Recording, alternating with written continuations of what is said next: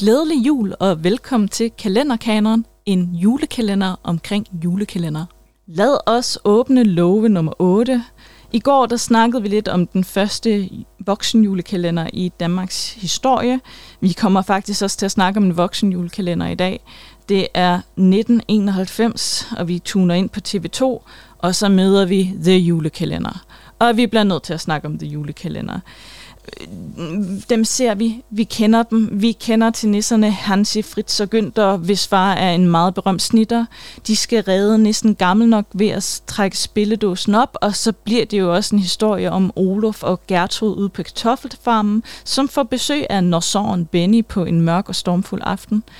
Det er en skøn julekalender. Den er sjov, den er julet, og så har den bare nogle gode sange, hvilket for mig altid er et kriterie for en god julekalender.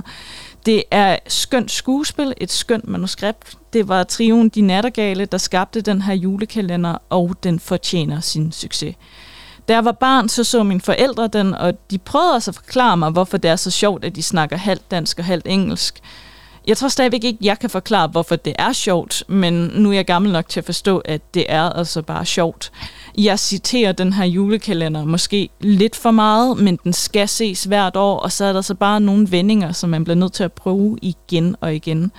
Det er faktisk den mest genudsendte julekalender nogensinde i Danmark, og det kan jeg faktisk godt forstå. Den blev så populær, at vores nordiske naboer faktisk stjal ideen. Norge kom med deres version af The Julekalender i 1994, og Finland kom med deres i 1997.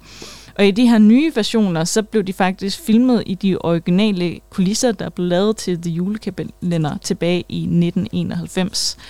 Jeg tror, jeg skal hjem og se nogle afsnit af The Julekalender i dag, og det vil jeg også anbefale, I andre gør. Tak for denne gang, og glædelig jul.